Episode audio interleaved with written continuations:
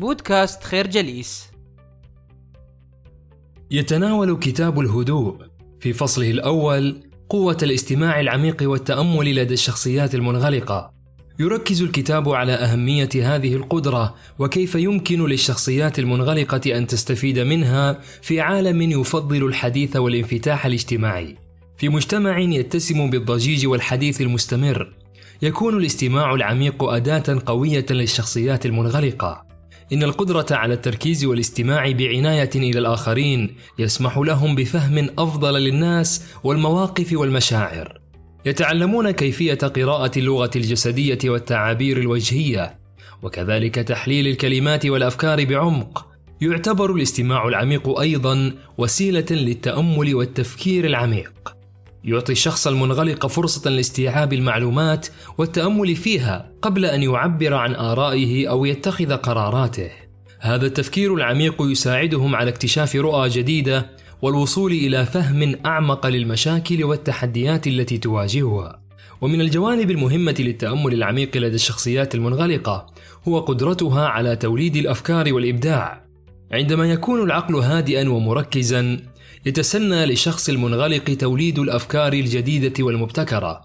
يمكن للتأمل العميق أن يفتح ابوابا للإبداع ويساهم في ابتكار الحلول الجديدة للمشاكل المعقدة.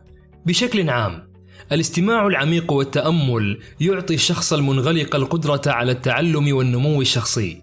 يساعدهم في بناء علاقات قوية وفهم أعمق للعالم من حولهم. كما يعزز الاستماع العميق القدرة على التواصل الفعال والتفاعل الإيجابي مع الآخرين. لذا ينصح الكتاب بتطوير قدرات الاستماع العميق والتأمل لدى الشخصيات المنغلقة. يشدد على أهمية التفكير العميق والاستماع الجيد للمحيطين بهم. يشجعهم على إيجاد أوقات للهدوء والتأمل وتحسين قدراتهم على استيعاب المعلومات وتوليد الأفكار الجديدة. يؤكد كتاب الهدوء على قوة الاستماع العميق والتأمل لدى الشخصيات المنغلقة. يعتبر الاستماع العميق أداة قوية لفهم الناس والمواقف وتوليد الأفكار والتفكير العميق. يشدد الكتاب على أهمية تنمية هذه القدرات والسعي للتعلم والنمو الشخصي. الفكرة القدرة على التفكير العميق والإنصات بتركيز يمكن أن تساهم في ابتكار الأفكار وتحقيق النجاحات. العنصر الثاني الذي يتناوله الكتاب هو قوة التأثير الهادئ التي تتمتع بها الشخصيات المنغلقة.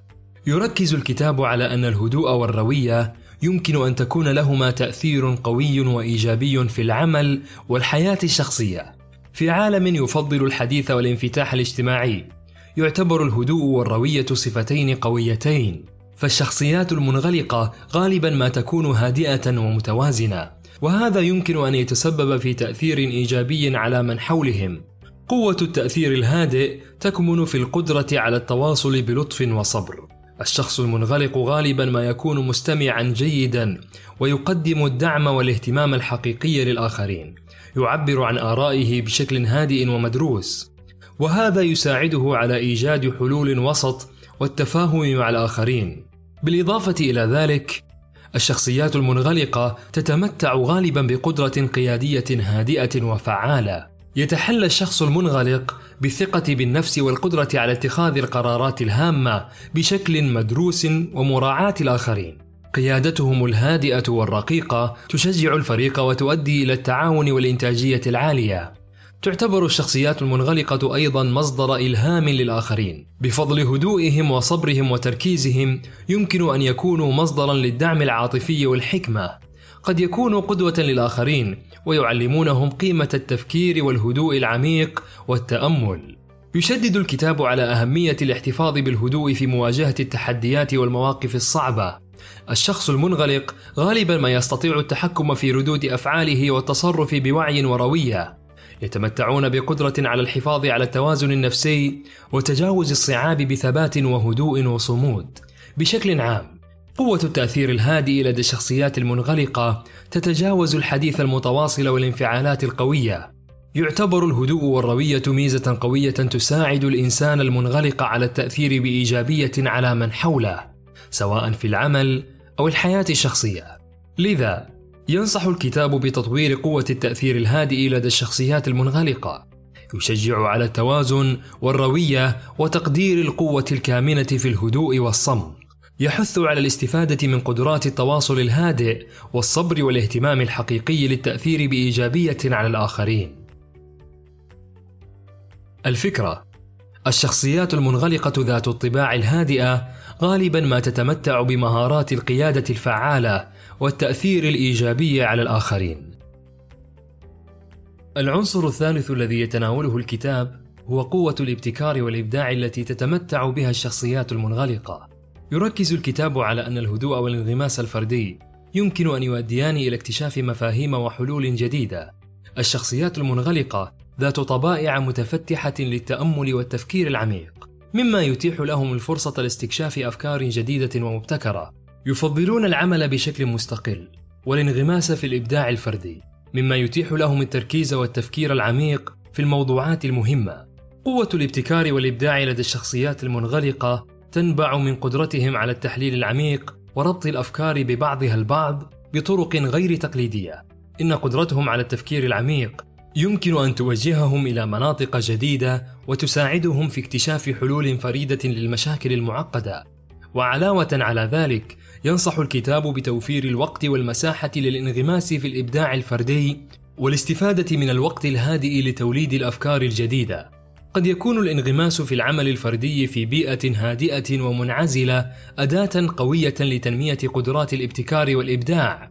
بالإضافة إلى ذلك، يشجع الكتاب الشخصيات المنغلقة على اتباع أسلوب حياة محافظ وعدم الإفراط في التحفيز والانشغال المستمر.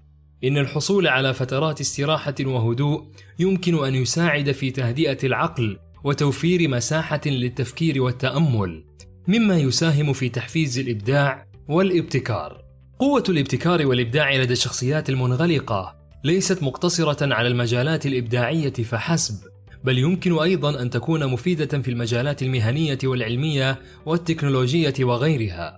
يمكن للشخص المنغلق أن يجلب أفكارا جديدة وحلولا مبتكرة لتحسين العمليات وتحقيق التقدم في مجالاته المختلفة. إن قوة الابتكار والإبداع لدى الشخصيات المنغلقة يشجع على الانغماس في الإبداع الفردي وتوفير الوقت والمساحة للتأمل والتفكير العميق.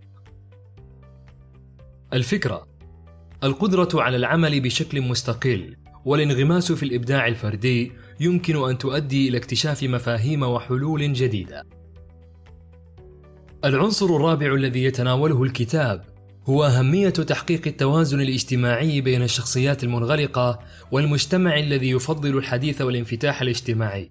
يركز الكتاب على أن الاحترام المتبادل والتفهم يمكن أن يؤديان إلى بيئة متوازنة وتقدير لقيمة الشخصيات المنغلقة والمنفتحة على حد سواء. في المجتمع الحديث، غالبا ما يكون هناك التفضيل للشخصيات المنفتحة والمتحدثة بكثافة. ومع ذلك يعتبر الكتاب أن الشخصيات المنغلقة تمتلك قيمة فريدة ومساهمة مهمة في العمل والحياة الاجتماعية أحد أهم جوانب تحقيق التوازن الاجتماعي هو الاحترام المتبادل يجب على الشخصيات المنغلقة والمجتمع المنفتح أن يحترموا قيم واحتياجات بعضهم البعض. يجب أن يقدروا دور الشخصيات المنغلقة في التفكير العميق والتركيز والتفاهم العميق. وعلى الجانب الآخر يجب أن يقدروا دور الشخصيات المنفتحة في التواصل الاجتماعي وتبادل الأفكار والاستفادة من التنوع. بالإضافة إلى الاحترام يجب أن يكون هناك تفاهم متبادل بين الشخصيات المنغلقة والمجتمع المنفتح. يجب أن يدرك الجميع أن النمط الشخصي للشخص المنغلق لا يعني ضعفا أو عدم التفاعل الاجتماعي. بدلا من ذلك يعكس هذا النمط الشخصي اهتماما بالتفكير العميق والتأمل والقدرة على توليد الأفكار الجديدة والمبتكرة. تحقيق التوازن الاجتماعي يتطلب أيضا تعزيز التفاهم والتواصل بين الشخصيات المنغلقة والمنفتحة.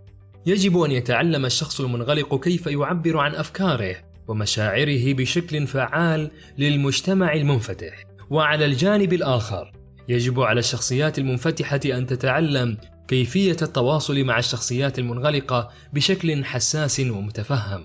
تحقيق التوازن الاجتماعي يساهم في خلق بيئة يتعاون فيها الأفراد بشكل فعال ويستفيدون من التنوع والمواهب المختلفة.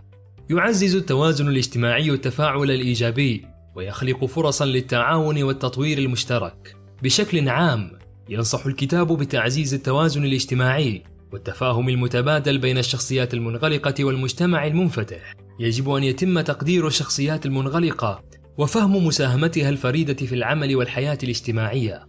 إن الاحترام المتبادل والتفهم يساهمان في بناء علاقات صحية ومجتمع متوازن. الفكرة أهمية تحقيق التوازن بين الشخصيات المنغلقة والمجتمع الذي يفضل الحديث والانفتاح الاجتماعي. نشكركم على حسن استماعكم. تابعونا على مواقع التواصل الاجتماعي لخير جليس، كما يسرنا الاستماع لآرائكم واقتراحاتكم، ونسعد باشتراككم في البودكاست.